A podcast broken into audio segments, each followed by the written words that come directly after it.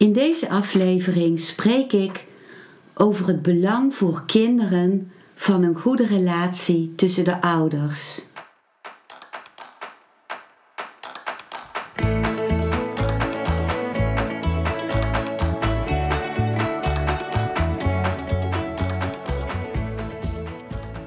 Welkom bij een nieuwe aflevering van Modita's podcast Van Pijn naar Zijn. De podcast waarin ik je meeneem voorbij de pijn in je leven naar wie je diep van binnen bent. Hoe kun je beter omgaan met je gevoelens? Hoe vind je rust in je hoofd? Wat zit er precies achter je pijn? En vooral, hoe kun je steeds meer jezelf zijn? Adem eens diep in en uit. Ik wens je veel luisterplezier.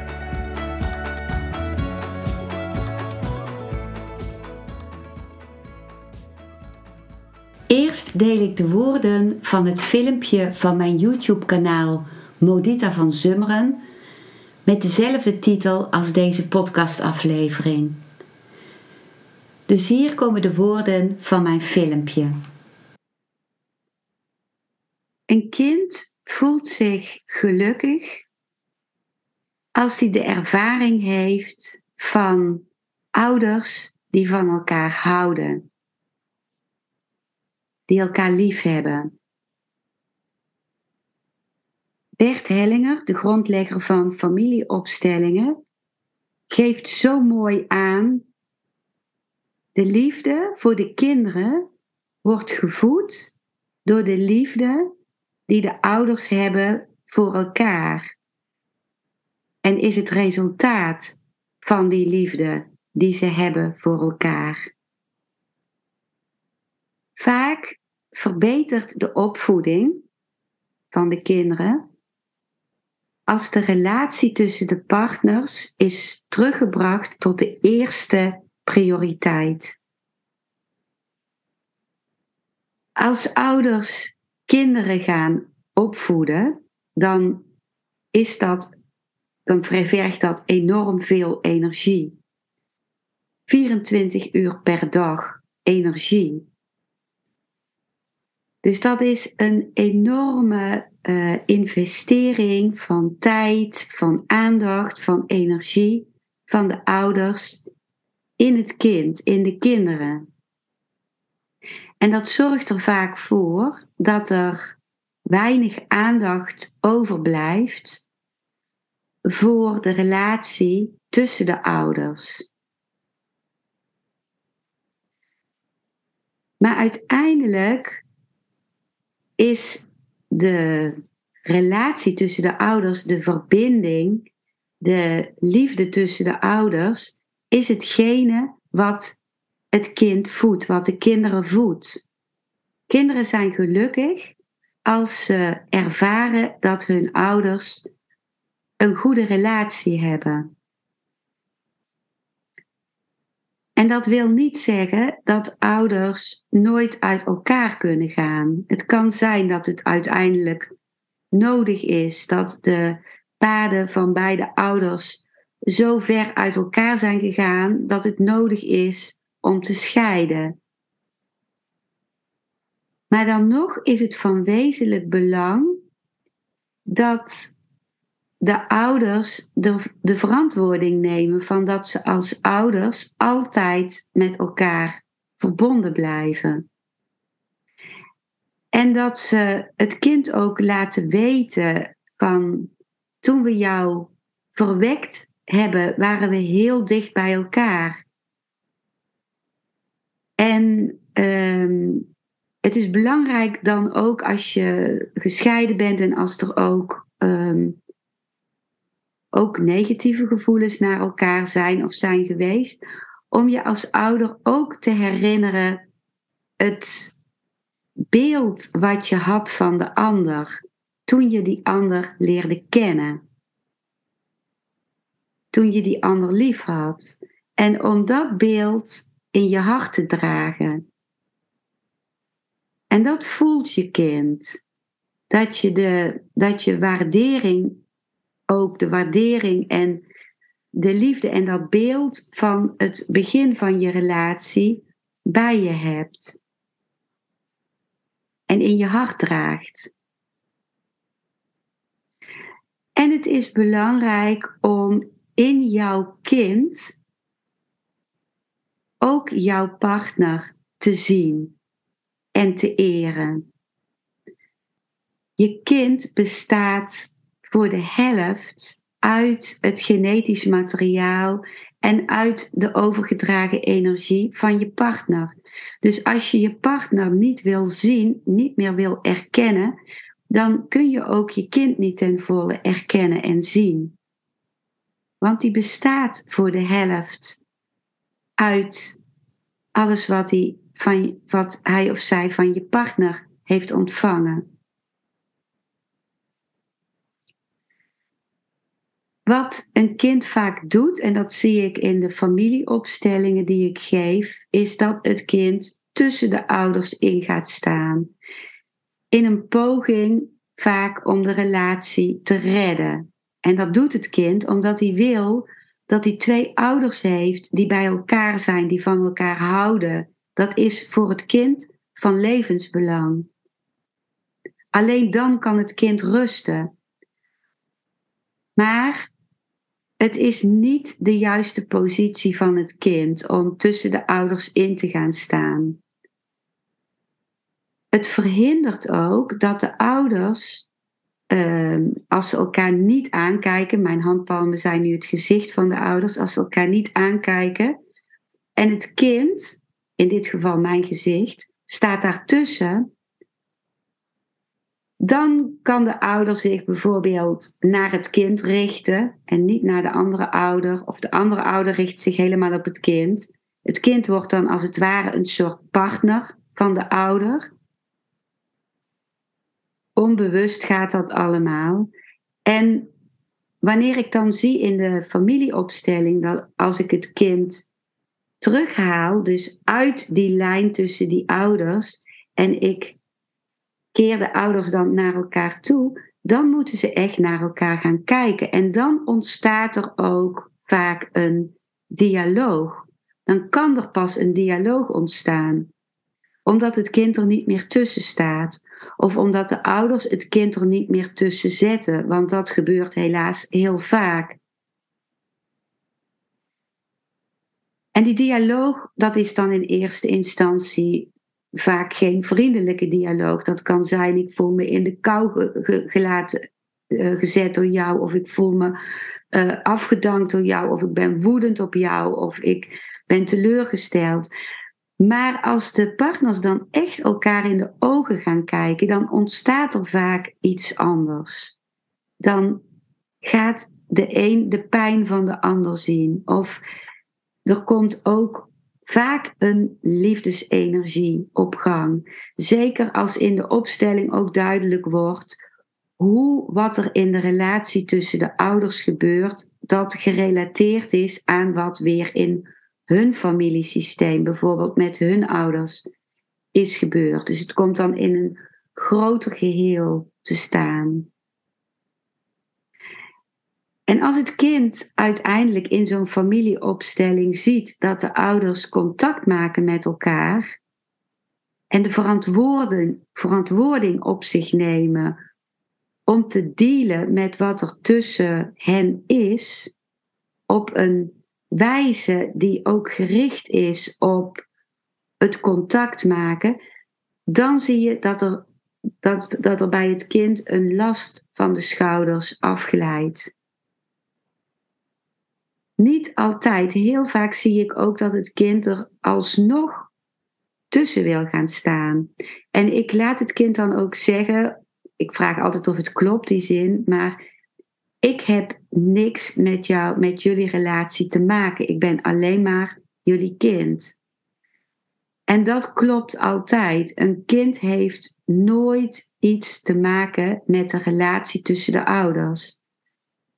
Dat is te groot voor het kind. Dat is ook niet aan het kind. Daar heeft het kind niks mee te maken. Dat is echt iets van de ouders.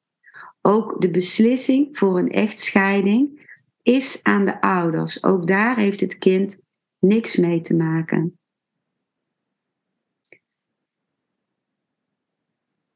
Dus ook bij een echtscheiding is het van zo'n wezenlijk belang om te zorgen dat het geen vechtscheiding is. Dat de relatie aan zich op een mooie manier wordt afgerond. En uh, dat de ouders naar elkaar uitspreken, als ouders blijven wij verbonden. Als ouders blijf je altijd verbonden, want je kind is daar. En het is ook heel mooi als de ouders, ook als er oneenigheid is of wat dan ook, als die zich verbinden in een familieopstelling met elkaar als ouders van het kind. En als ze dan ook uh, uitspreken naar elkaar, uit onze relatie is iets goeds voortgekomen. En dat is ons kind. En voor het kind is het ook heel fijn om te horen als de ouder zegt, als de moeder zegt, in jou uh, heb ik ook je vader lief. In jou zie ik je vader en heb ik je vader lief. En als de vader zegt tegen het kind, in jou zie ik je moeder en heb ik je moeder lief. Dan kunnen delen die voorheen mogelijk afgesplitst waren van dat er geen verbinding was tussen de ouders en dat het kind zich ook gespleten voelde, die kunnen weer bij elkaar komen. Het kind kan zich dan weer een eenheid voelen, want het kind is een verbinding tussen beide ouders. Draagt de verbinding in zich, in alle genen, in al, alle lichaamcellen. En wat je vaak ziet is dat het kind zich gaat identificeren met een van de ouders. Vaak met de ouder die het meest door de andere ouder wordt afgewezen. Daar gaat het kind diep down voor opkomen. Door hetzelfde gedrag als de afgewezen ouder te gaan vertonen, bijvoorbeeld. Maar dat hoeft niet meer, dat hoeft het kind niet meer te doen als de ouders zelf uh, de verbinding aangaan met elkaar als ouders van het kind. En als de, uh, als de moeder tegen het kind zegt: Jij mag ook van je vader houden. En als de vader tegen het kind zegt: Jij mag ook van je moeder houden. En als het kind tegen de ouders zegt: tegen de moeder zegt: Kijk alsjeblieft vriendelijk naar mij, als ik ook van mijn vader hou. En als hij tegen de vader zegt: Kijk alsjeblieft vriendelijk naar mij, als ik ook van mijn moeder hou. Dat hoef je niet hardop uit te spreken, maar dat kun je doen in je hart. Dit waren de woorden van mijn filmpje. Nu lees ik uh, woorden voor van de Oosterse mysticus Osho. En die woorden zijn terug te vinden in het boek The Sun Rises in the Evening, hoofdstuk 7. Dus hier komen de woorden van Osho. Wandelen is zen. Zitten is zen. Pratend of stilzijnd. Bewegend niet bewegend. De essentie is op haar gemak. De essentie is op haar gemak. Dat is het sleutelwoord. De essentie is op haar gemak. Dat is de sleutelbewering. Doe wat je doet, maar blijf in de diepste kern op je gemak. Koel, kalm, gecentreerd. Dan kun je in een menigte zijn en zul je tegelijkertijd niet in de menigte zijn. Dan kun je in de marktplaats zijn en zal de marktplaats tezelfde tijd niet bij je binnenkomen. Dan kun je overal zijn en blijf je onvervuild. Je zuiverheid blijft intact, je onschuld ongestoord. De essentie is op haar gemak. Dat is de kwaliteit die je in elke handeling te brengen hebt. Geen enkele handeling moet daarvan uitgesloten worden. Als je bang bent voor wat voor handeling dan ook en je sluit die buiten, dan zal dat een barrière blijven. Het zal een valkuil voor je blijven en je zult er op zekere dag invallen. Laat deze kwaliteit doordringen in alles wat je doet. Eten, slapen, vrijen, lopen, praten, zwijgen. Laat deze kwaliteit je bestaan doordringen. Laat deze kwaliteit je altijd en altijd omringen. Zelfs als je in slaap valt, voel je er dan door omringd. En al snel zul je zien dat meditatie niet je handeling is. Het is geen activiteit. Het is een bepaalde nuance, een bepaalde muzikale kwaliteit in je zijn, een bepaalde harmonie, een melodie die je toevoegt aan elke handeling, wat je ook doet.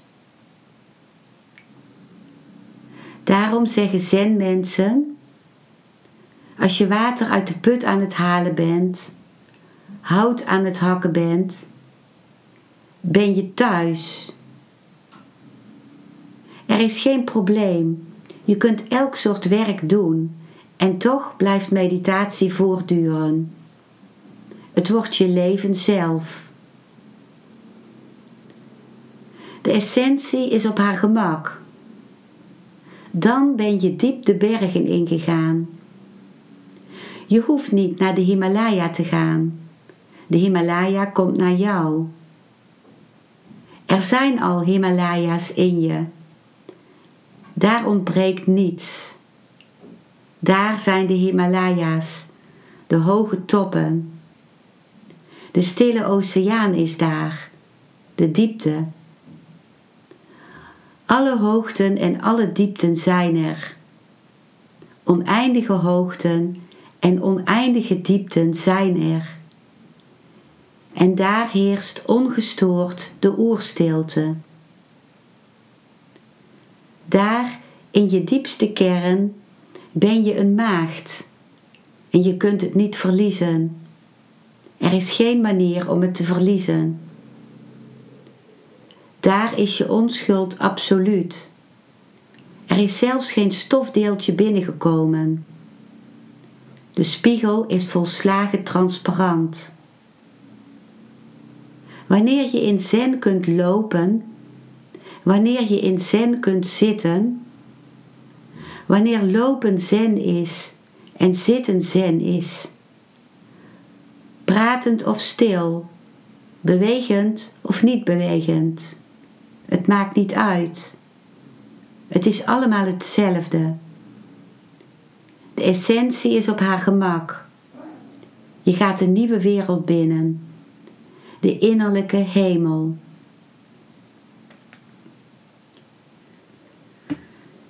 Dit waren de woorden van Osho over de essentie is op haar gemak. Ik heb die woorden hier opgenomen omdat het uh, om er te kunnen zijn als ouder voor je kind het belangrijk is om contact te maken met jouw eigen essentie, met de essentie die diep van binnen op haar gemak is.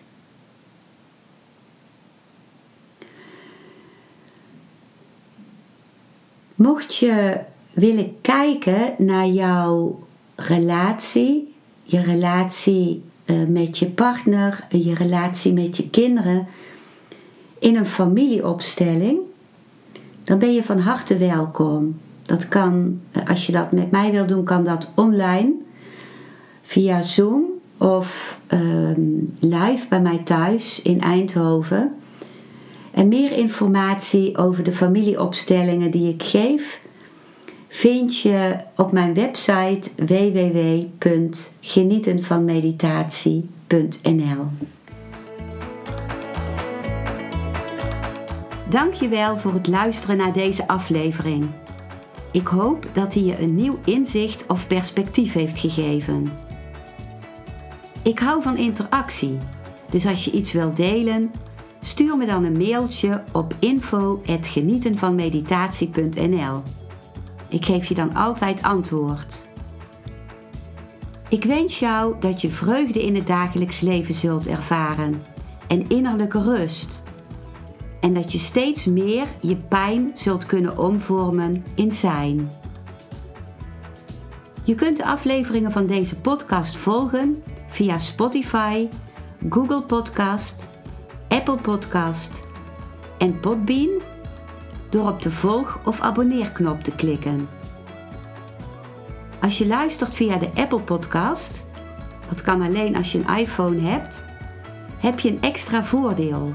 Omdat als je op de knop abonneren klikt, je steeds een berichtje op je mobiele telefoon ontvangt als er weer een volgende aflevering van mijn podcast verschijnt. Je bent van harte welkom bij die volgende aflevering.